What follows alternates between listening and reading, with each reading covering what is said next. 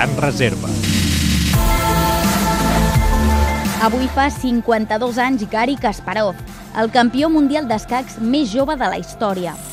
Kasparov va néixer a Bakú, a l'antiga Unió Soviètica. Va començar a estudiar en una escola d'escacs als 10 anys, on el van entrenar els grans mestres. Quan en tenia 22, va competir a Moscou contra Anatoly Karpov per ser el campió del món. Guanyava el millor de 24 partides i Kasparov es va convertir en el campió mundial més jove per 13 a 11.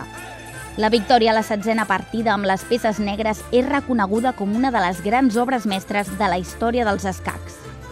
Kasparov va ser campió del món durant 15 anys, fins que Vladimir Kramnik li va treure el títol l'any 2000. Cinc anys més tard, Gary Kasparov va anunciar que es retirava per falta de motivació.